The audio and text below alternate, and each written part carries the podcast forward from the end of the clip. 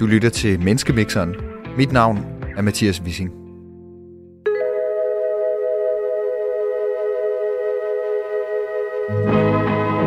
En eks-rocker, en grønlænder og en feminist kommer ind på en bar.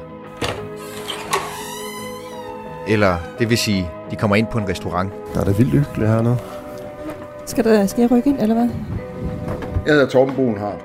Jeg er 44 år gammel. Jeg er eks-rocker, og når jeg ser mig selv i spejlet, så ser jeg en person, der tror på både Gud og djævlen, lyset og mørket. Der står tre spillemaskiner i hjørnet, der dufter af pariserbøf, og morerne synger henover på. Der var en, der fik jackpot der. Jeg hedder Naja Lynge. Jeg er grønlænder. Når jeg ser mig selv i spejlet, så ser jeg en person, der har kæmpet med identiteten. Jeg tror på, at man skal hele sig selv. Jeg hedder Signe Ulbjerg. Jeg er 28 år, og jeg er feminist. Og når jeg ser mig selv i spejlet, så ser jeg en person, der tror på, at alle er lige meget værd. Hvad sker der, når de her tre mennesker mødes for at tale om livets store spørgsmål, og hvad der rører sig lige nu på Restaurant Havnens varme stue i Aarhus? Er du okay? Det er fint. Er de rykker tættere på? Ja da. Du lytter til vores program om tro, eksistens og fordomme her på Radio 4, og en episode, vi har valgt at kalde Hierarki og kampen om eftermælet.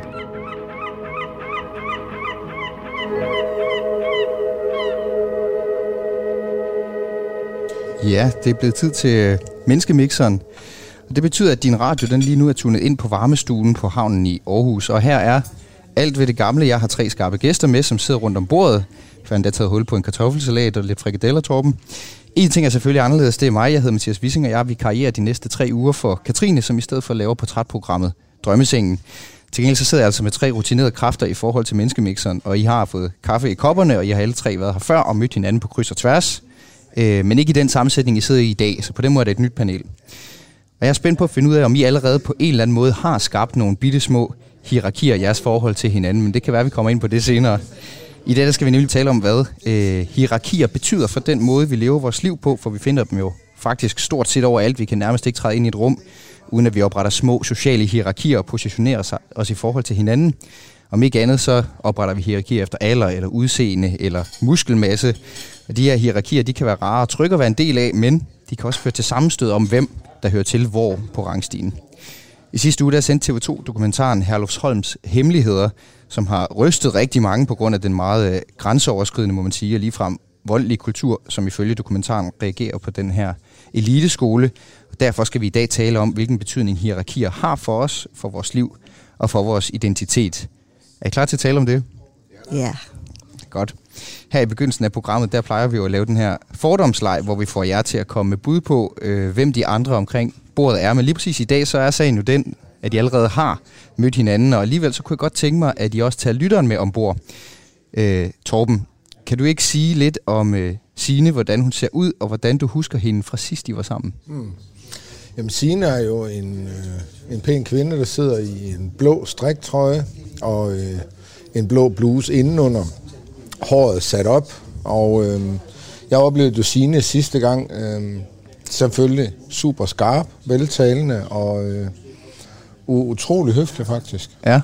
Så øh, det er ud fra hendes, øh, hendes person og den første del, men, øh, hvor man får at vide, hvem er hvem, Ja. øh, eller man skal gætte på det, jamen øh, det er klart, så får man også øh, nedbrudt nogle tabuer på mange områder, lige så vel som folk gør mig, men øh, super skarp kvinde. Signe, øh, hvem er Naja? Hvordan ser hun ud, og hvordan husker du hende? Jamen, Naja, hun har sådan en øh, virkelig fin blå kjole på, og en ret flot læbestift også. Øh, og så sidder hun og smiler hele tiden, rigtig dejligt, og sådan kigger op og sender smil afsted. Øhm, og det er jo ikke så lang tid siden, vi faktisk var i panelet sammen sidst, og jeg kan huske, at jeg overhovedet ikke kunne gætte, hvad din øh, kategori var. Jeg, jeg læste sådan øh, fuldstændig som noget helt andet. Øhm, så, øh, men, men jeg ved ikke om, jeg ved ikke om det var, øh, om det så var nogle fordomme, der blev brudt, eller om det bare var, at jeg bare synes, at du har sådan en øh, øh, meget sådan stærk personlig udstråling, som måske er lidt svær at placere i en bestemt kategori i virkeligheden. Nu kunne være mange ting. ja, Ja. Nej, ja, så er der jo øh, Torben på den anden side af bordet. Hvad er han for en fyr? Og hvordan ser han ud, ikke mindst? Torben, han øh, har fået nogle pæne nye briller siden sidst, som klæder hans øh, dejlige ansigt utrolig godt. Og så har han en, sådan en sportsboss øh, hættetrøje på med lynlås, øh, og fået lidt mere skæg siden sidst, så vidt jeg lige kan se. Øhm, den med Torben sidste gang, der gættede jeg faktisk på, at, øh, at han arbejder med mennesker, Ja. hvilket han også gør. Ja.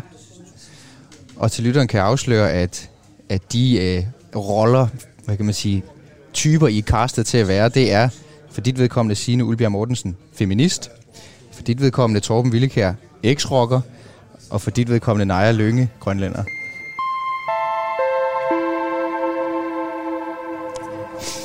Signe så røg vi i kassen. Ja, så røg I nemlig i kassen, så må vi se, om vi, om vi, kan, om vi kan hive jer lidt op igen i løbet af, i løbet af udsendelsen. Signe Ulbjerg Mortensen, øh, feminist, Ph.D. i skam og digitale overgreb, og nu skal du så Mm. faktisk forske videre. Du har nemlig landet det, der hedder en postdoc på øh, Syddansk Universitet, og den her gang skal du forske i kvindelige bodybuildere. Ja. Kan du lige prøve at forklare, hvad det går ud på? Jo, altså det er sådan et kønsforskningsprojekt, ligesom det her om, øhm, om digitale krænkelser var. Det, øhm, det handler om øh, kvindelige bodybuilders forhandlinger af krop og køn, og hvordan de ser krop. Og kan du identificere nogle hierarkier allerede nu i det forskningsfelt? Altså jeg er jo ikke gået i gang endnu, så, øhm, så, så det ved jeg ikke, om jeg vil sige, at jeg, jeg kan, men, men den forskning, jeg har lavet tidligere, den måde, jeg også tænker at gå til det her, handler måske faktisk rigtig meget om at prøve at få nogle perspektiver frem, som ellers ligger og ruder rundt et eller andet usynligt sted nede i bunden af nogle hierarkier. Mm. Altså noget viden, som måske øhm, ikke er så set eller så, så anerkendt. Så på den måde er der i hvert fald en tilgang i det, som, øh, som handler om at få nogle perspektiver frem, som, som ikke er dem, der er dominerende. Så er der dig, Torben Villekær, eks-rocker, nu coach for unge udsatte, men også for en professionel racerkører. Ja, Øh, stadig med øh, tatoverer på, tatoveringer på overarmene og lidt op i nakken, kan jeg se. ja. Øh, øh, Torben, du må om nogen have stiftet bekendtskab med hierarkier i din, i din øh, tid som rocker. Mm. Øh, absolut. Øh, og, og et hierarki fungerer jo faktisk strålende, fordi at på mange områder har man jo altid en, en, en fører han, og vi mennesker, vi er jo flokdyr. Det kan godt være, at vi snakker om, at demokrati, at vi alle sammen har et ord, men, men vi fungerer egentlig ikke ret godt, hvis vi skal sætte os ned 10 mennesker og blive enige om nogle ting og en retning. Så det er altid godt at have et hierarki, øh, og sådan var det også i, i, øh, i, i rockermiljøerne. Men det er jo klart, det kan jo også godt være meget negativt lavet. Ja, ja. Og det kan man jo også godt se, det kan man se i alle samfundslag. Men altså, hierarki var jo klart noget af det, man gør tydeligt. Det gør man for eksempel ved at give hinanden titler. Mm. Og det har vi jo alle steder. Ikke? Der er jo direktøren, øh, der er ejeren, der er mellemlederen og afdelingslederen. Sådan var det også i rockerklubben. Der var præsidenten, der var vicepræsidenten og kasseren og hvad man nu kalder. Ikke? Så man får jo titler i et hierarki. Og øh, mennesker arbejder bare bedst under et hierarki. Jeg tror bare, at den største problematik, den kommer, når at nogle af de øverste faktisk øh, ikke kan finde ud af at lede og fordele og være ordentlig i et positivt hierarki. ja.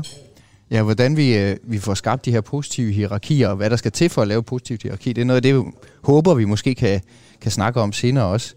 Øh, Naja Lynge, så er der også dig, Karsten, som grønlænder, kom til Danmark som 8-årig, er selvstændig forfatter, foredragsholder, man kan læse dine klummer en gang imellem i Jyllandsposten, øh, og så kan du ikke udstå topstyring. Hvad betyder din topstyringsafsky for dit forhold til hierarkier?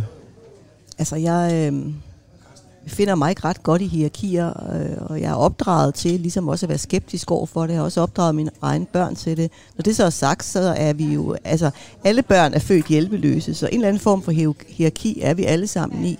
For mig at se handler det meget om, øh, hvordan bruger man øh, den magt, man får, hvis man har fået en sådan, og kommer den fællesskabet øh, til gavn. Mm. Hvis den ikke gør det, så, øh, så er det en, en, en skadelig øh, og en syg faktor, som øh, skal på en eller anden måde bort elimineres. Og det kan der være forskellige måder at gøre på. Det skal vi nok komme til at tale lidt mere om. Mm. Så man skal virkelig være på vagt over for de der negative hierarkier. Det er meget, øh, ja det skal man. Altså, vi har hierarkier, men, men som sagt, det, det er fladt, det vi har i Danmark, men, men, men, men vi skal være meget opmærksomme på øhm, den magt, man får, øh, så den ikke bliver sådan en, en, en, en negativ driver. Mm. Ja. Og selvom det lyder lidt som øh, den gamle vittighed om en dansker og en svensker og en tysker, der kommer ind på en bar, så mixer vi altså i den her udgave af Menneskemixeren på Radio 4 en grønlænder, en feminist og en eks-rocker. Forskellen er bare, at vi ikke gør det for at lave en joke, men for at tale om eksistens og tro og fordomme. Inden vi tager øh, snorklerne på for at plaske lidt rundt i dagens første snak om hierarkier, så har jeg en liste med, som handler om øh, nogle af livets store spørgsmål, og hver uge så rafler vi jo om, hvilke af spørgsmålene, der finder vej til programmet til sidst. Og derfor så vil jeg bede om at rafle lidt med raflebæret og terningerne. De skal vælge, hvad vi skal tale om. Nej, vil du ikke rafle lidt, og så se, hvad du slår? Og jeg er jo også ældst. Du er Det er ældst. meget Ja, så på den måde, så, så har du ret til at starte. En fire, nej, så skal vi se, hvad Signe hun slår. Det var også en fire. Tydeligvis. Yes. Og Torben, Jeg slår en sekser. du slog en sekser. Det giver 14 i alt, og det betyder, at terningerne vælger, vi skal tale om, hvad vil du gerne have, folk siger om dig til din 80-års fødselsdag?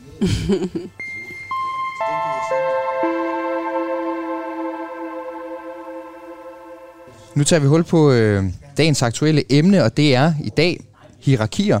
Og det er det i anledning af Herlufsholms Kostskole og den dokumentar, der er blevet sendt på TV2, som hedder øh, Herlufsholms Hemmeligheder. Og i den her dokumentar, der kan man se og høre en række tidligere elever fortælle om et hierarki, hvor de ældre elever gør, som de vil med de yngre, hvilket indebærer ret alvorlige overgreb, må man sige. Og siden øh, den her dokumentar blev sendt, der er det piblet frem med fortællinger om voldtægt og systematisk mobning og overgreb maskeret som øh, drengestreger.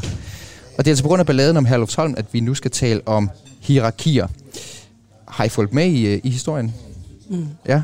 Altså, jeg tænker sådan lidt forskellige ting, at det ligner jo nogle historier, som, som vi har set en del af de seneste år, og jeg er egentlig ikke på nogen måde overrasket, altså fordi Herlufsholm er jo på mange måder sådan et ret, det er et ret lille, ret lukket miljø, så det er, og, og et øhm, altså elitært miljø på mange måder også.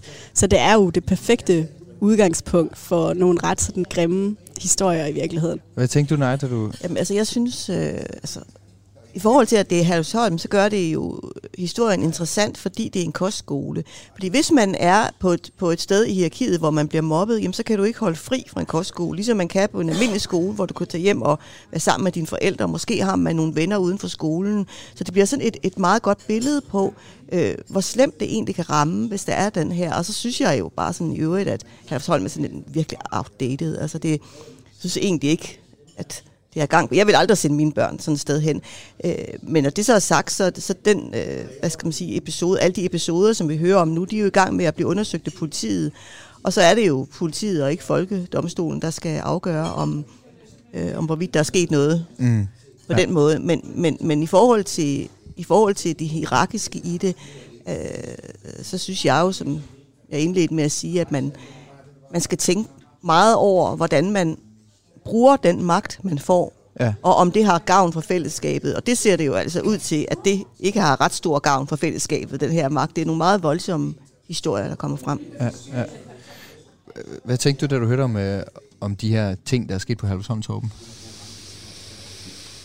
Jeg tænkte selvfølgelig, det er forfærdeligt, men jeg tænker da også, at øh, man kan da ikke sætte sig ned og tro, at, at, at, eller blive overrasket over de her de ting, der sker, når vi snakker om, om 400 år gamle traditioner. Altså, og det er jo nogle af de ting, som, som bliver ført ud i livet, velvidende, at både en del lærere, som også er kommet frem, øh, og andre gamle elever jo har sagt det, og mange forældre, som også har gået der. Altså, men det er jo klart, vi har jo traditioner, og det står vi jo altid skarpt på øh, i vores samfund, at traditionerne er jo, men vi laver traditionerne om på mange områder øh, nu, øh, med hvad må vi snakke om, hvad må vi ikke snakke om, hvordan skal vi tiltage tingene.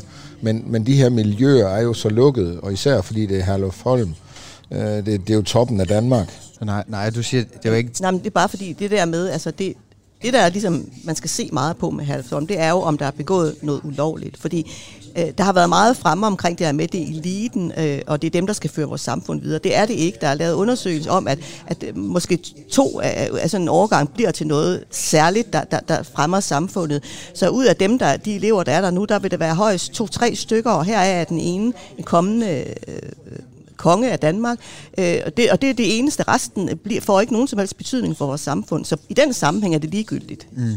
Mm. Men jeg synes også, der er noget ved, det er meget let at falde ind i den her historie om, at Herlufsholm er noget helt særligt, fordi det er en eliteskole. Men på ret mange måder er Herlufsholm overhovedet ikke noget særligt. Altså den her form for mobning og vold, det foregår altså på rigtig, rigtig mange skoler. Også skoler, der ikke er kostskoler. Øhm, og også skoler, der ikke er elitære. Og også altså måske særligt på andre skoler, som er isoleret til bestemte samfundsgrupper på lignende måde. Men det kan jo lige så godt være skoler, som, altså, hvor det primært er børn i et udkantsområde, der går der. Men altså bare skoler, hvor det er svært at komme væk fra. Der ja. tror jeg, der er mange af de samme problematikker. Og det er egentlig ikke, fordi jeg ikke køber argumentet om, at, øhm, at der, der skal være en særlig opmærksomhed på, på de her børn, som også har en anden altså, tilgang til magt, eller, eller kommer til at være højere i samfundshierarkiet. Det gør jeg. Men, men jeg synes også, man skal passe på at sætte det op som, når jamen, det er et eliteproblem, fordi det er det ikke. Altså den her mobbekultur og den her overgrebskultur, det, det er et meget mere generelt problem. Ja. Men altså, det, det er jo... Altså, det, det, det er jeg egentlig enig i, men, men, men det, bliver, det bliver ikke, hvad skal man sige, det bliver ikke den her form for leder, der bliver efterspurgt i fremtiden under alle omstændigheder. Det er jeg næsten 100% sikker på. Altså, jeg tror tværtimod, at, at, at, at trenden er lidt, at hvis man kommer med noget, og man, man på trods af, ligesom for eksempel Torben, på trods af dit og datter, du har været du har smagt på døden, jeg ved ikke hvor mange gange, og du er blevet skudt på, du er blevet frarøvet din barndom, og så alligevel kan man komme frem. Det, det, det er den form for lederskab, som man egentlig øh, eller hvis man sådan dig ligesom går ind og ser, tager den der, altså nu har du lige den, den feministiske vinkel, men alle mulige vinkler, hvor man ligesom forstår øh, og prøver at se på, hvordan kan det her gavne fællesskabet. Det, det tror jeg, det er, det er mere og mere, og der, der er sket utrolig meget de sidste øh, 10 år. Mm. Altså jeg tror jo også i de her øh, hierarkier, vi er simpelthen blevet berøringsangste i forhold til, at vi nogle gange lader, øh, hvad kan man sige, psykopater stå i toppen af ledelsen. Altså, fordi der er ikke nogen, der tør gøre oprør mod det. Altså, hvor vi er nødt til også at tør stå ved, at, at det her det er ikke okay. Altså, at, at, at få det her bredt ud, men vores samfund er desværre kommet så langt, at, at der er mange ting, der bliver fejret ind under gulvtæpperne. Ikke? Øh, og, og tænk, at der skulle en, en en dokumentar fra TV2 til, før at, at det her det begyndte at rulle, fordi det var jo ikke, det var ikke noget, der lige var sket. Altså, der lå jo stribevis af, øh, af anmeldelser, eller ikke anmeldelser, men i hvert fald af sager, som var blevet fejret under gulvet, og man havde egentlig bare tyset tingene ned, ikke? Mm. Øhm, og så opstår det her negativ øh, hierarki. Og så kunne vi se øh, forstanderen på tv, dengang han nærmest øh, rygsvømte med 25 kilo blod på maven. Ikke? Også, altså, han, var, han, han gjorde alt, hvad han kunne for at træde vandet, ikke? fordi det var hans position. Og det kunne man jo tydeligvis se, i hvert fald når man arbejder med mennesker, at han var på dybt vand ret hurtigt. Mm. Og øh, nu er han så fyret, og bestyrelsen har sagt, at de har tilbudt at gå. Ikke? Hvor jeg har sådan, skal man da ikke tilbyde, hvis man sidder i toppen af ledelsen, så er det hele modvitten og skal ind. Vi skal have frisk øjne, vi skal have nye tilgang, vi skal jo netop fjerne os fra det, der er betændt, som at man kommer ud over det. Jamen, vi har altid gjort. Der sker altså også noget særligt i vores tid, hvor, tror jeg, vi sådan, som samfund er ved at, at genforhandle øhm, nogle af de her ting om, hvad, altså, hvad tæller som vold, og hvad er alvorligt nok, og hvem har lov til at stå frem og kræve en eller anden sådan offerposition. Og jeg synes også med Herlofsholm, at noget af det, der er karakteristisk også, at nu bliver det her også sat ind i sådan en diskussion, hvor vi skal se på, jamen, er der sket lovovertrædelser? Altså, er nogle af de her ting ulovligt? Men øh, mobning er jo noget, et begreb, man har fundet på for ikke at kriminalisere børn, for at gøre ting, som jo egentlig ville være ulovlige, hvis voksne gjorde det mod hinanden, ikke? Altså vold, oh, for eksempel. Vold. Og det er jo, ja, lige præcis, men, og det er jo det er jo på en måde, altså på mange måder positivt, fordi selvfølgelig skal man ikke kriminalisere børn på samme måde som voksne. Men jeg synes, det er udtryk for, at der er en eller anden skal I have genforhandling af det. Jeg gerne have noget vand. Ja, vand er dejligt. Ja. Det. Det vil altid også. Ja. ja. For en tus i halsen, så er det så dejligt. Ja. Vand med citrus også. Perfekt. Ja. Tusind tak. tak. Altså, jeg har det sådan, hvis jeg gik ind et sted, selvom det var en fælles, øh, et fælles sovesal, eller jeg gik ind og tævde løs på en, og så lå og sov, og det blev meldt til politiet, så er jeg ret sikker på, at strafferammen for mig, den vil nok hedde minimum 6 måneder. Men kan det virkelig godt egentlig for, det, Men... for dit PCK, uh, Torben? Fordi du har jo set nogle ting, som er rigtig, rigtig grove. Altså, og også uden nødvendigvis forestille mig, at politiet altid var involveret, hvor du sagde, jamen sådan er det sgu bare en gang imellem, og man må også have lidt hård hud. Og sådan, altså, kan, kan, det, kan du godt blive rigtig forarvet over de her meget, meget grove drengestreger? Det er jo, det er jo overhovedet ikke drengestreger på nogen punkter. Det er jo, altså, det er jo fysisk og psykisk vold af sådan en karakter, at det selvfølgelig er strafbart. Ja.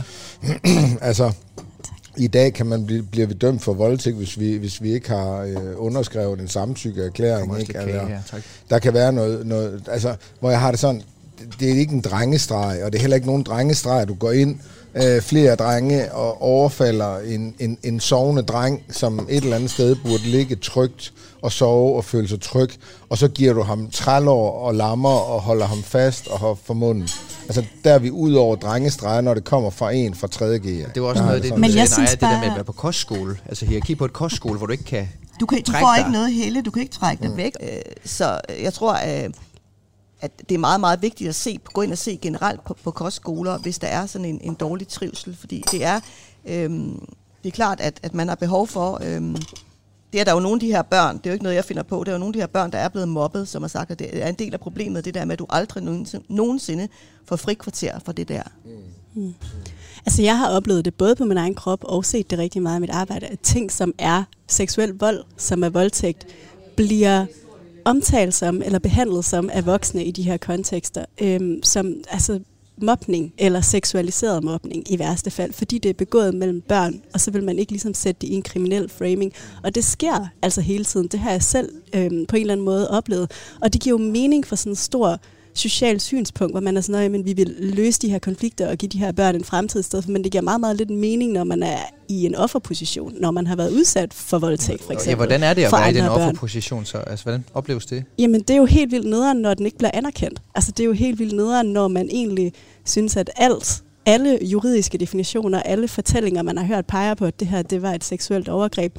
Men fortællingen omkring er, at nej, nej, det var ikke, altså, det, det var mobning. Ja. Det var noget andet. Det er ikke sådan noget lov, ulovligt noget, det er sådan noget konflikter mellem børn, og det er jo et over, når du er ude af skolen, ikke? Altså, som jo også er en del af historien. Ja. Ja. Og hvor, kan det have noget at gøre med sine, hvis vi skal koble det til hierarkier, noget med, at man er meget, meget uvillig til at ændre på etablerede hierarkier? Altså det kan godt være rigtig, rigtig svært at ændre på et hierarki eller en etableret norm, kan man sige. Jeg tror, der er nogle kønnede hierarkier på spil i det. Altså, der er sådan noget boys will be boys-agtigt øh, tankegang nogle gange i noget af det, men det er ikke kun det. Jeg tror, det, det største hierarki, der er på spil, er øhm, nok, at man ikke tager børns oplevelser og handlinger seriøst. Altså, at børn på en eller anden sted ruder rundt i bunden af nogle hierarkier. Og det betyder jo både, at man ikke tager det seriøst, når de gør meget alvorlige ting. Det betyder også, at man ikke tager det seriøst, når de bliver udsat for meget Ja, for jeg er faktisk spændt på at se, nu så vi kun, at det var mange drengene internt. Vi har jo egentlig ikke endnu set, om der er nogen af pigerne, som har været fremme i, hvad der egentlig også er foregået der, om det kun er den ene side. Så det bliver faktisk lidt jeg vil, spændende at følge, er virkelig forkert ord at bruge i den her sag, men, men netop når du siger boys will be boys, ikke? Altså, men, Altså, jeg, jeg må jeg har lyst til at komme med et lille indspark, når, når jeg nu bliver kaldt for grønlænderen i det, i det her program, så synes jeg også, at jeg skal tage et element med derfra, traditionen tro. Øhm, jeg synes jo, at når jeg sådan ser på, hvordan grønlænder har det og har, er i et hierarki i Danmark, altså som grønlænder i Danmark, der, der rangerer man som den laveste i hierarkiet, hvilket er fuldstændig uacceptabelt, men det gør man. Skal man lave om på det, jamen så bliver man nødt til at, at hvad skal man sige, ruske rigtig grundigt op i det og se på det i, i sådan, som sådan et postkolonialt traume, øh, som vi skal have ryddet op i. Og på samme måde så skal vi, når vi ser på Herlevsholm i dag, øh, der, der, det nytter ikke noget at bare lige sige, vi får lige ryddet lidt op her, øh, og, og, og vi, vi fyrer rektor. Nej, der er noget helt galt med hierarkierne på de her kostskoler, og det, skal, og det, det kommer til at gøre ondt, og nogen kommer til at blive uretfærdigt behandlet, nogen er blevet spyttet på, og det samme er, at hver gang man skal ændre noget, så kommer man, vi kommer ikke udenom, det her det er et alvorligt problem, og det er meget, meget svært at ændre på hierarkier, det ved jeg jo så på egen krop, og derfor skal det jo ikke forhindre os i at gøre det, øh, og det er det, det, det arbejde, som jeg ser er sat i gang på Hervesholm, og der får man jo så øh, heldigvis for, for, for de øh, mobber og dem, der er blevet krænket, rigtig meget opmærksomhed på det. Jeg vil sige, øh, jeg kunne ønske at få noget af den samme opmærksomhed omkring øh, det, problematikken omkring at være lavt i hierarkiet som Grønland i Danmark. Jamen, hvordan oplever du, det kan, at det kan ændres, når man nu er lavest i et hierarki? Fordi det, der tit er problemet, det er jo dem, som kan ændre det, dem, der er i toppen af hierarkiet, men de har ikke interesse i at ændre det. Øh, hvordan det er så altid være sådan, på det er altid sådan øh, fordi altså for eksempel, at, altså, hvis jeg skal sidestille det med at være grønlænder i Danmark, så er det også sådan, at, at toppen af regeringen i både Danmark og Grønland har ikke nogen interesse i at, at ændre det, fordi det vil betyde gennem gribende ændringer for, for dem selv. Det samme, kan, du- kan du, du kan lave en parallel til, til, til Herlevsholm, hvor det i øvrigt er den samme bestyrelse, der sidder der stadigvæk, og de har heller ikke nogen, øh, nogen interesse i at ændre det, medmindre de bliver tvunget til det, fordi de er flettet ind på kryds og tværs, også med kongehuset i øvrigt. Øh, Så man bliver simpelthen nødt til at prøve at se på, jamen, hvordan kan man hele den der kultur, hvordan kan man altså, trække den tilbage og få, det- få det hele vendt på hovedet. Ligesom, ligesom øh, med, med, med, med mit eget uofficielle mindretal, som jeg tilhører her, hvor, hvor, hvor, hvor jeg vil postulere, at, at vi bliver nødt til at se det som et, et, et, et efterslæb for kolonitiden og behandle det som sådan. Altså jeg lød mærke til nogen af dengang, at den her unge Knight, at han er stået frem, så øh, havde han jo fået beskeder, at øh, nogen fra skolen havde skrevet, at, at han havde stukket dem. Mm. Altså ordet stikker er jo allerede igen, og der, der betragter jeg jo det lidt som, som dengang jeg var i, i, i rockermiljøerne, ikke? Altså der bliver folk udstødt og får bank, ikke? Og det var det samme. det var de samme ting, som de beskriver, og de bliver her også. De bliver bare socialt udstødt, ikke? Altså, så den der volds parathed, også på den psykiske faktor, er, er jo fuldstændig... Altså, det er jo sammenligneligt med noget af det, jeg kommer fra. Men hvorfor tror du alligevel, det er så svært at være stikker? Altså, hvorfor skal, de, hvorfor skal de udsættes for så mange ting, før de vælger at stå frem, altså bryde det der? Er det fordi, det er, frygter man så meget fald, altså selv hvis man er nederst i hierarkiet, er det så tr- stadigvæk værre at være uden for hierarkiet, end at Jamen, være nederst i det? Altså, det er jo igen, når man er inde i sådan et, et, et hierarki.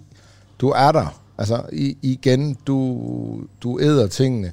Og hvis du ikke æder tingene, så er du udstødt. Altså, det værste, vi kan gøre øh, ved mennesker, og det er jo det her med at udstøde os fra den flok, mm. vi, vi kommer i. Og det er jo nogle af de ting, jeg selv har oplevet, hvor jeg tænker, jamen det er så nemt øh, at gøre det, så man kan faktisk som menneske holde rigtig, rigtig meget ud. Fordi den her følelse af at være alene, det er nok det, der gør mest ondt.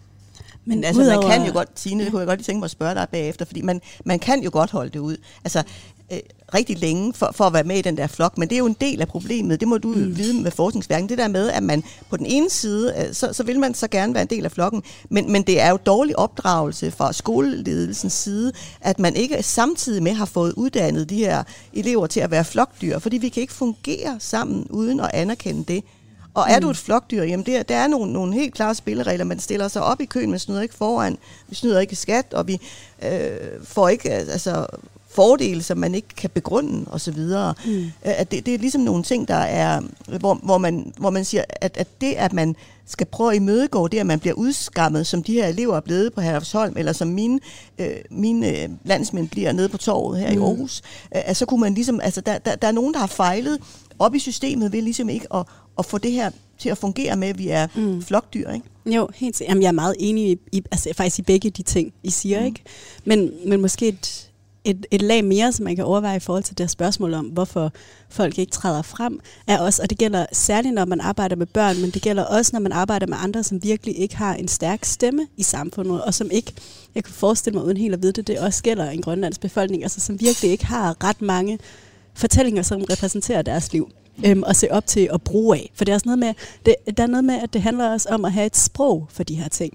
Og i forhold til Herlufsholm, så har børn og unge tit ikke et sprog for overhovedet at gå i gang med at fortælle, hvad det er, der er sket for dem. Og det er jo for eksempel, hvis, øhm, jamen igen, hvis omgangstone eller sådan måden, man taler om det på den her skole, hedder sig, at Nå, men der er måske lidt problemer med mobning eller drillerier, så har de jo ikke nogen ord, de kan bruge til at forklare, hvad det er, de har været udsat for, som er dækkende i forhold til, hvad det egentlig er, der er sket. Og det tror jeg gælder rigtig mange, som er i sådan nogle altså meget undertrykte positioner, at jamen, fordi deres liv er ikke repræsenteret nogen steder, så hvor i verden skal de starte mm. i forhold til overhovedet at fortælle nogen om, hvordan de her oplevelser er. Og så bliver man jo fanget der, hvor man ikke går frem og deler det. Fordi at, hvor, hvordan, hvor skulle man dele det, og hvordan skulle man sige det, og til hvem? Men Signe, det synes jeg jo også, det er lidt et problem i forhold til den her, vi nu ser med Halvsholm, hvor at mange af de der forældre er nu fremme og sige, nej, vi mm. synes ikke, det er et problem. Altså generelt, så synes jeg altid, hvis der er nogen, der har været udsat for nogle krænkelser, så ved jeg, at det tager meget, meget lang tid at rejse sig op og sige, jeg har et mm. problem her. Og når du så endelig gør det, så bliver du så basket øh, af det her tilfælde forældre, som siger, jeg synes ikke, du har et problem. Mm. Det er ligesom at, at, at, at, at mobbe dem og underdreje dem og skrue dem ned i et hul to gange. Jamen, jeg synes jo, de har været gjort meget ud af at sige, at vi anerkender de ting, fortællinger, der har været. Jamen, selvfølgelig men, har men, der vi- ikke været- Men, men vi altså- synes ikke, det er en kultur. Det er vel det, Nej, men hvis man kommer fra synes. den elite, hvor der ikke er nogen problemer, så synes man ikke, der er et problem. Jeg, jeg, jeg, der synes jeg måske nok, at de forældre måske skal vente lidt med at udtale sig, indtil man finder ud af lidt mere omkring. Altså, mm. fordi de, de, vi ved 100 procent, at, at folk, der er blevet mobbet, børn, der er blevet mobbet, som, som rejser sig, det, det, det kan have taget dem så mange år. Det, det kræver helt vildt meget mod. Særligt mm. i sådan et, et hierarkiopdelt øh, øh, lille samfund, øh, så, som, som det er der i Næstved. Og det er jo det, der også sker, når så de her forældre, som jo er højere i hierarkiet, fordi de er voksne, øh, og fordi de er indflydelsesrige mm. på alle mulige måder. Når der så endelig er nogen, der, der træder frem, ikke, at de så går ud og siger, ja, det er sørme ked af, at du har oplevet, men nu skal du høre, min version af virkeligheden er altså den her. Og den Ja. er selvfølgelig mere værd, fordi Ja. ja. jeg er højere op i hierarkiet. Alene det er altså, det er jo problematisk. det, der sker. Ja. Ja. Det er nemlig problematisk. Ja. Ja. Det er det, der sker med deres fortælling, bare bliver Ja. devalueret Ja. fuldstændig.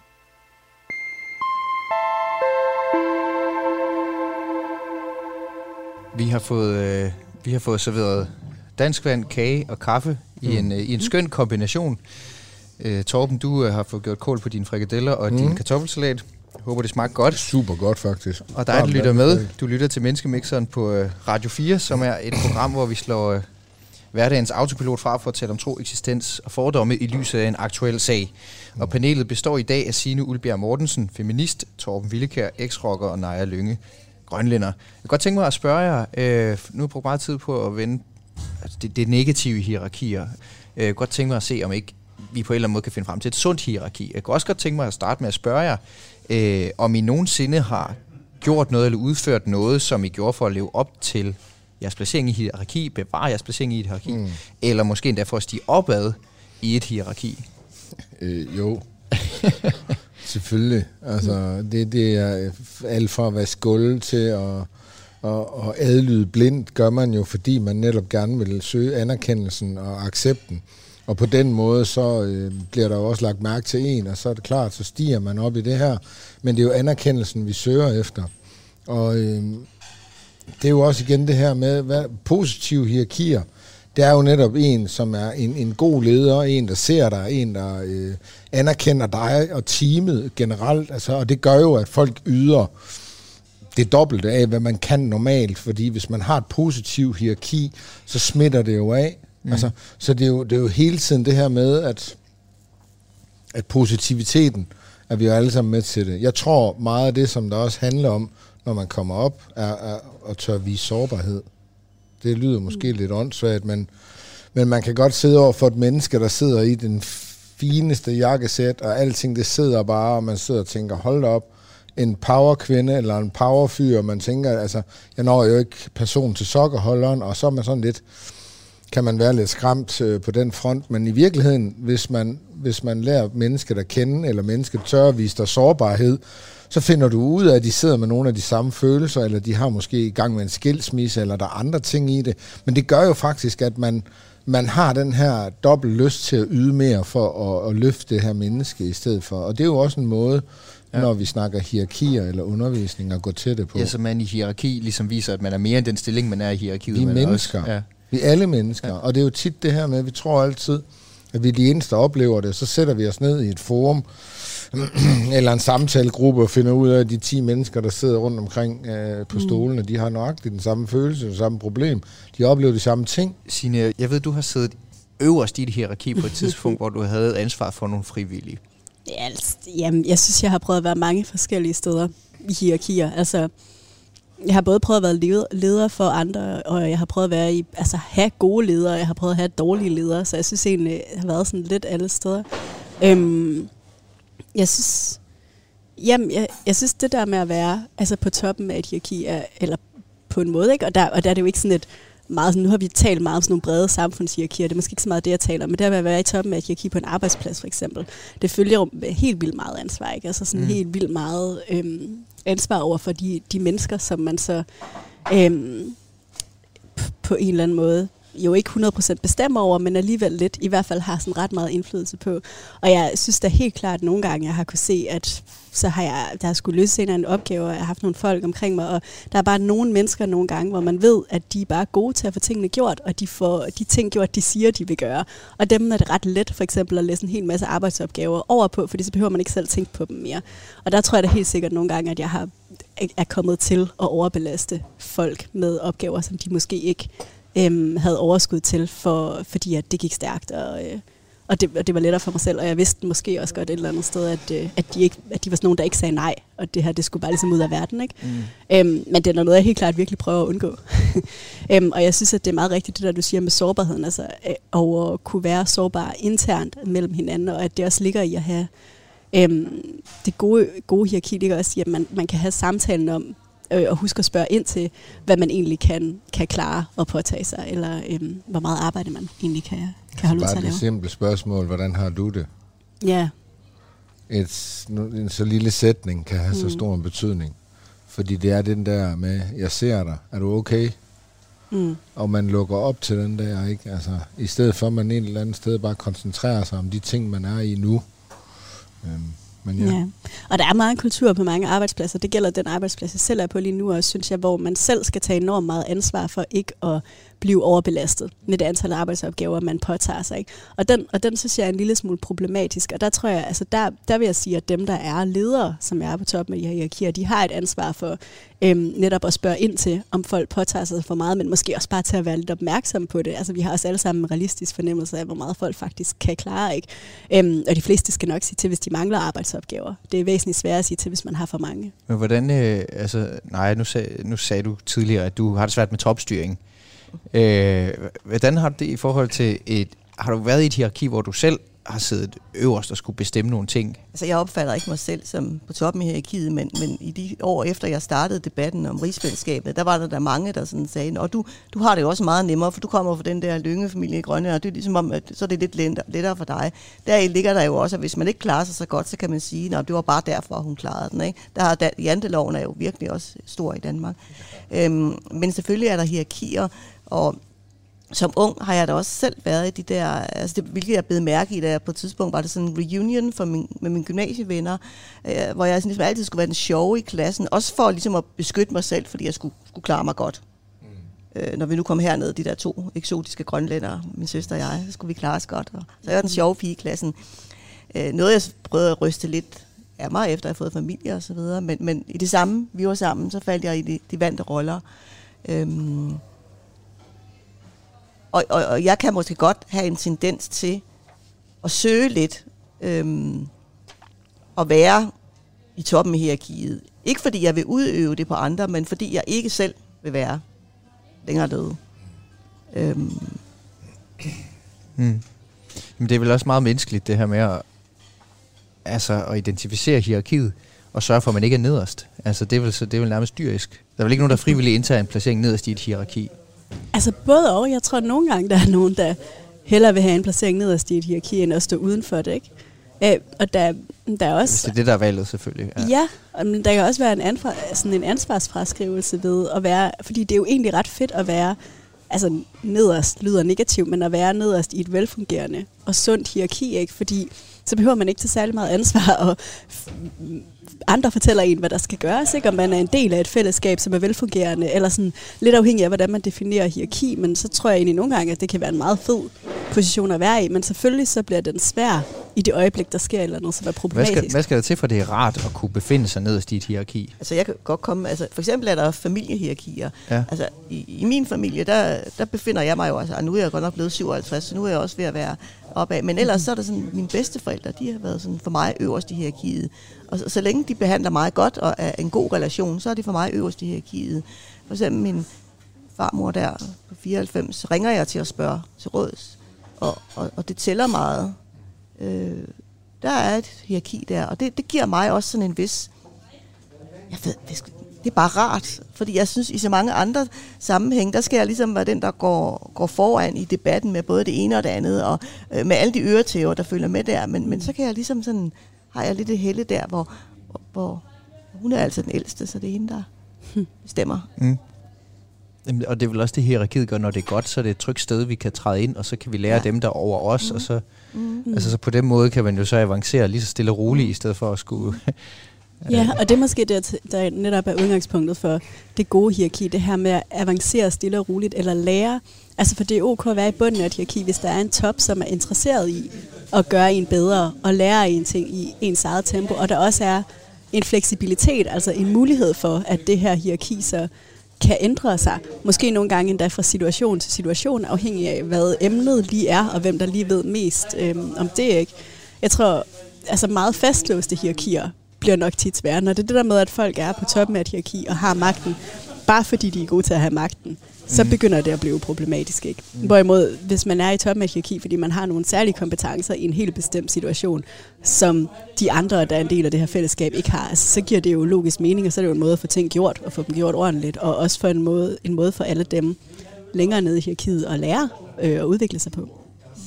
Men den, også den måde, man opbygger øh, et hierarki, for eksempel i nogle af de store systemer, det er jo, at man belønner de her mennesker både med en titel og en lidt højere lønpose, og så tager mm. de lidt medansvar i det hierarki, der er der. Men jeg tror egentlig ikke, man stopper op og, og egentlig lægger mærke til, at man har fået en lille belønning, og så går man egentlig hen for at være arbejdende myre til at være en ledermyre. Ikke? Og så, så er der lige pludselig den her demmer også så har man ligesom vendt hierarkiet, ikke? og så, så får man lige en lille belønning i det. Mm.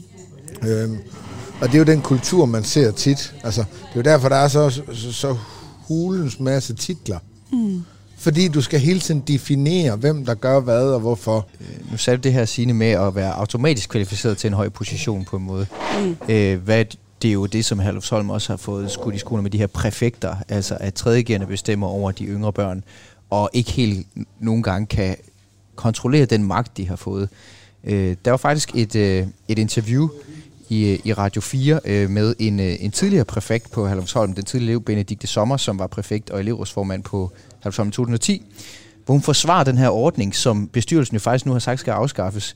Øh, I kan lige prøve at høre, hun siger sådan her nemlig om, øh, hvad en præfekt i virkeligheden, øh, i hendes virkelighed er. præfekt i dag, eller nu er det så lige blevet afskaffet, men som da jeg var der, har ingen magtsbeføjelser. Vi har ingen sanktionsmuligheder. Det eneste vi er, vi er to ting. Vi er en form for øh, storesøster eller storebror. Vi er en skulder, en åben dør, øh, man kan komme ind til. Vi er nogen, som holder øje med trivsel. Vi er nogen, som kommer ned til de små elever, som netop er kommet fra deres hjem og måske har hjemmevæg, og taler med dem og sørger for, at de er en del af grupper og sørger for, at de ikke bliver ladt alene. Det er en ekstra omsorgsperson, og vi bliver valgt ud fra de karakteristikker i vores personlighed. Altså hvis vi nu slår parentes om Herlufsholm i det hele taget, men taler om det her med at være mm. udråbt til at være præfekt, altså udråbt til at være en, hun kaldte det en skulder, eller en storesøster, eller storebror, så lyder det jo i virkeligheden øh, som en ret fantastisk ordning at have. Øh, altså at der er nogen, der ligesom mm. har fået udpeget ansvar i kraft af deres karakteregenskaber for at tage noget ansvar for, for de mindre Jeg stærke. synes, hun rammer noget essentielt i den allerførste sætning, hun siger, ikke? hvor hun siger det der med, at vi har ikke nogen magt, vi har ikke nogen sanktionsmuligheder. Fordi Mm. der skal man være opmærksom på, at magt og sanktionsmuligheder, det er to meget forskellige ting. Ikke? Altså, for de har jo magt. I det øjeblik, der er nogen, der er afhængige af ens omsorg og anerkendelse og hjælp, så har man, altså, så har man magt. Og og magt kan, og det er jo ikke nødvendigvis en dårlig ting, så længe man er så det der ansvar bevidst, men, men magt kan jo misbruges. Og det er så det, der er sket i nogle tilfælde på Herlufsholm. Men, men øhm, for lige at vende tilbage til det generelle med hierarkier, det er jo så det, der ikke sker i gode hierarkier, ikke? eller i hvert fald ikke i særlig stort omfang, at, at, øh, at den her magt på en eller anden måde bliver misbrugt. Men selvfølgelig er der en magtulighed i den Mm. der rolle. Men det er da problemet er med, med, med de her øh, 3.G's elever, som så får den her magt om at gå i hvide bukser og så videre, ikke? det er jo, at de, de selv er i det der meget styrede hierarki, øh, som, som de jo er lullet ind i. Og derfor øh, kan de jo som, som udgangspunkt ikke være den der gode ekstra skulder. Øh, det, kan, det kan de jo kun, hvis, hvis, hvis de ligesom siger, her er jeg for at gøre et stykke frivilligt arbejde. Det har ikke noget at gøre med, hvad jeg for egen vindings skyld kan få ud af det. Det har det jo i høj grad, fordi det er bygget op mm. på den måde hierarkisk der. Men kan de, to- er de to ting altid gensidigt udelukkende for dig at se, nej, det her med at... Altså det, for mig at se, så er meget af det arbejde, som jeg laver, og som jeg opfordrer andre til med, med for eksempel Grønne, det er at lave rigtig meget frivilligt arbejde, hvor man hjælper hinanden. Men, men man, gør det, man skal ikke gøre det for egen vindings skyld.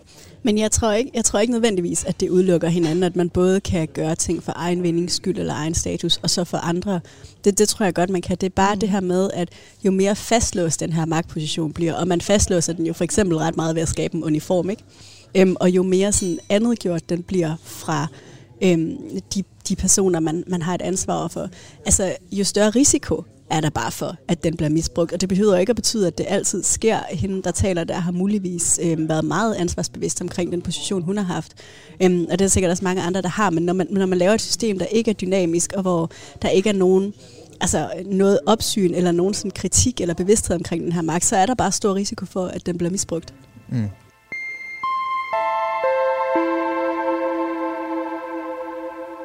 Hvilke regler kan vi opstille for et sundt hierarki? Hvis vi nu skal lave sådan en lille liste med nogle inputs på, hvor vi siger, hvis du skal have et sundt hierarki, så skal du, du sagde for eksempel, at Det at det ikke måtte være fastløst. Ja. Ja.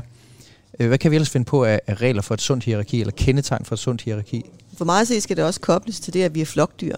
Altså, Forstået hvordan? Jamen, det, det var det, vi talte om før, med at man øh, stiller sig op i køen, men forsøger ikke at snyde udenom, og man, man skal ligesom fungere i et samfund, hvor vi er flettet ind i hinanden. Så tænker jeg også, at gode hierarkier skal fordre en eller anden bevidsthed om øh, magt og ansvar. Altså at dem, der er på toppen af et hierarki, skal være sig deres, øh, deres ansvar og deres magt meget bevidst. Så synes jeg jo egentlig, at det var et virkelig fint citat, hun havde hende. Altså der er fra Herlufsholm, ikke? Fordi at det viste jo netop, at hun var faktisk bevidst om, hvad hendes altså, hvad rolle var. Øhm, Mhm. På en sådan ret fin og, Ja. og omsorgsfuld Ja, måde. Ikke? Altså hun jo. så sig selv som omsorgsperson. Ja. Spilmaskinerne, de står og blipper over i hjørnet, hvor der sidder en gruppe mænd og får en lille eftermiddagsøl. Og der er bidrag i baren. Det ved jeg ikke, om det er noget, I skal op i senere. I første omgang, så er der i hvert fald dansk vand i glasset og kage på bordet. Og du lytter til Menneskemixeren, som er vores program om tro, eksistens og fordom her på Radio 4. Og panelet består den her lysegrønne lørdag i maj af Torben Villekær, eks-rocker, Signe Ulbjerg Mortensen, feminist, og Naja Lynge, grønlænder. Øh, i Menneskemixeren, der har vi jo den her øh, liste med livets store spørgsmål. Og i starten, der raflede vi om, hvilket af de her emner, vi skal tale om i dag, og vi landede på det meget besværlige emne. Hvad vil du gerne have? Folk siger om dig til din 80-års fødselsdag. Godt skrue den lidt ned på 60-års fødselsdag om nødvendigt. Det er i hvert fald bare i, i sidste halvdel af livet, kan vi ikke sige det? Mm. Øh, hvor det hele det ligesom skal gøres op.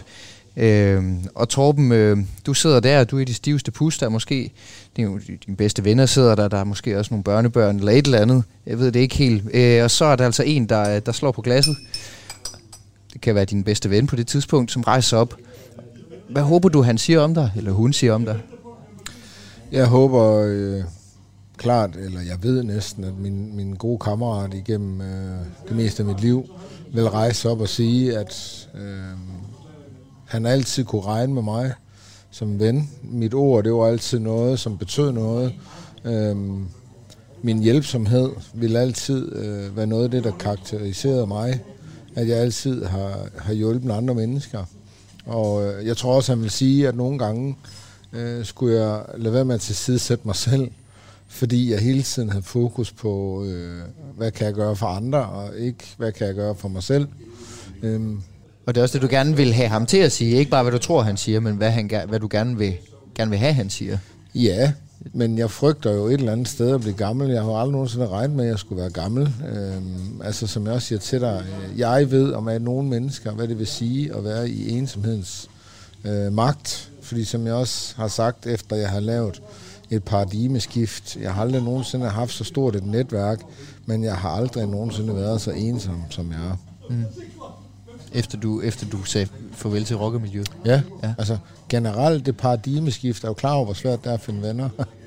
så jeg regner måske bare med, at der er en, der måske også bare står over min grav, og så smider lidt jord på og siger, han var sat nemme træls, da han var her, nu er der sgu der endelig ro på. Altså, jeg kan bedst lide den første version, du, du, du. Ja. fremstiller ved at sige.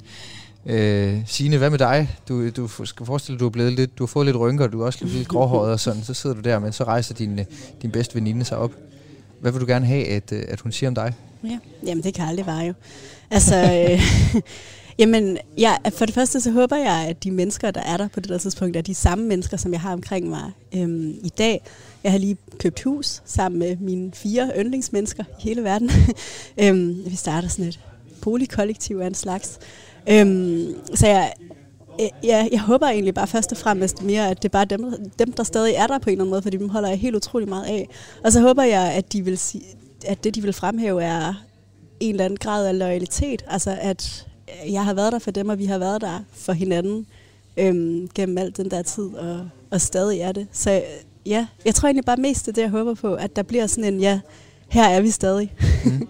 Ja. øhm, og holder Så, øh, stadig fordi lige så du sætter meget. stor pris på loyalitet, altså som, som, som karaktertræk. Øhm, ja, det gør jeg. Jeg er i hvert fald, altså, jeg, jeg tror i hvert fald, det er sådan en ting, det der med at være lojal over for folk i min omgangskreds, i hvert fald sådan en ting, som er meget vigtig for mig at vise, at jeg er. Mm.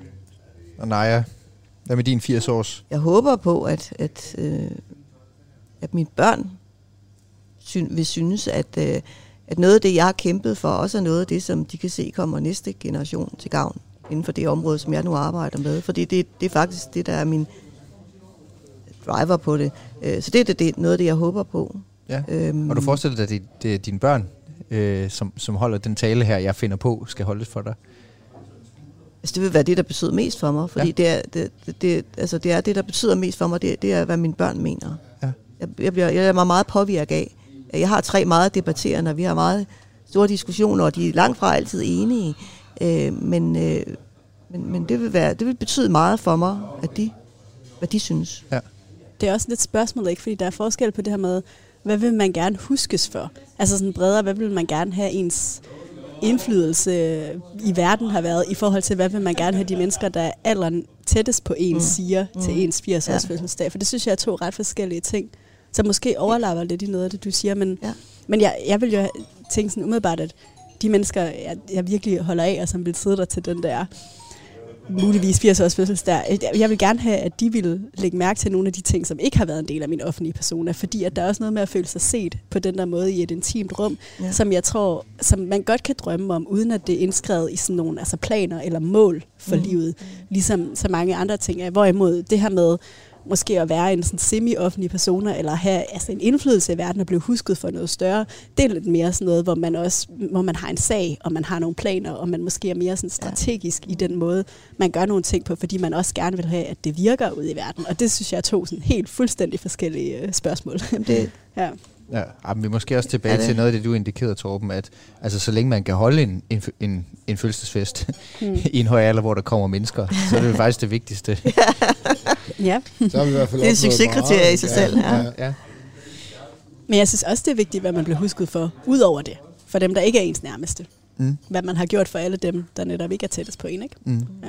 Ja, ja, måske dem, som, øh, som ikke engang ved, hvad man hedder, men som Ja, man har øh, hjulpet en dag, han sad på bænken og havde det svært. Eller altså de der små aftryk, mm. vi sætter hele tiden uden egentlig at, at tænke en hel masse over det.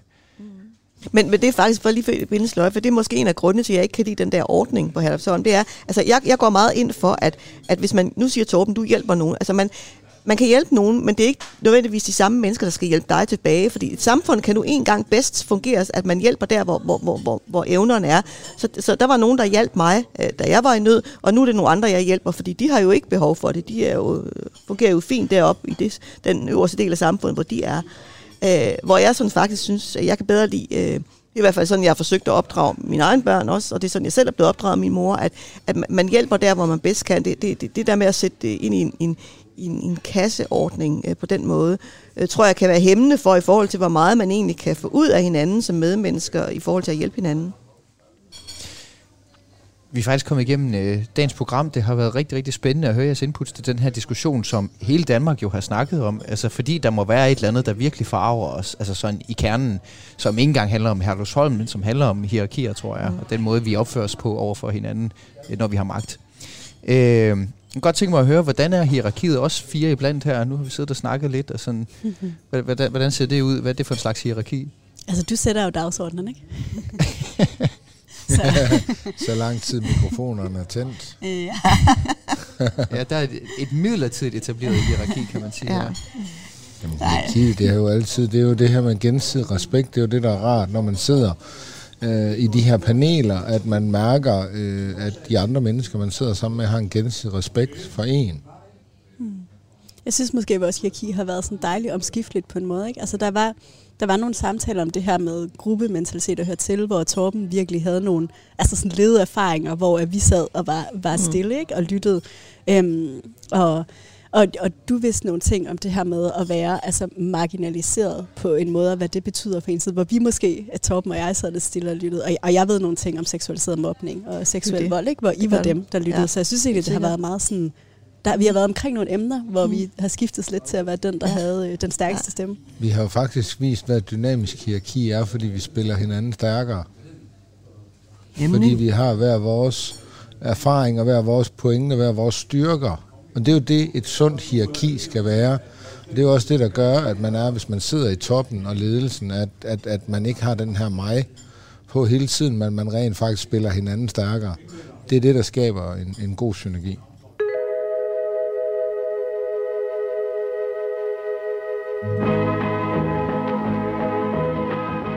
Jeg vil sige tusind tak, fordi I vil være med, Signe Ulbjerg Mortensen, feminist, Torben Vilka, eksrocker og Naja Lynge, grønlænder. Programmet Menneskemixeren, det er slut for nu. Musikken, du hører herunder, den er komponeret af Stefan Nordenstam. I redaktionen sidder researcher Gitte Smedemark og redaktør Gry Brun Mathisen. Du kan finde programmet her som podcast i vores Radio 4-app. Mit navn det er Mathias Wissing. Tak fordi du lyttede med.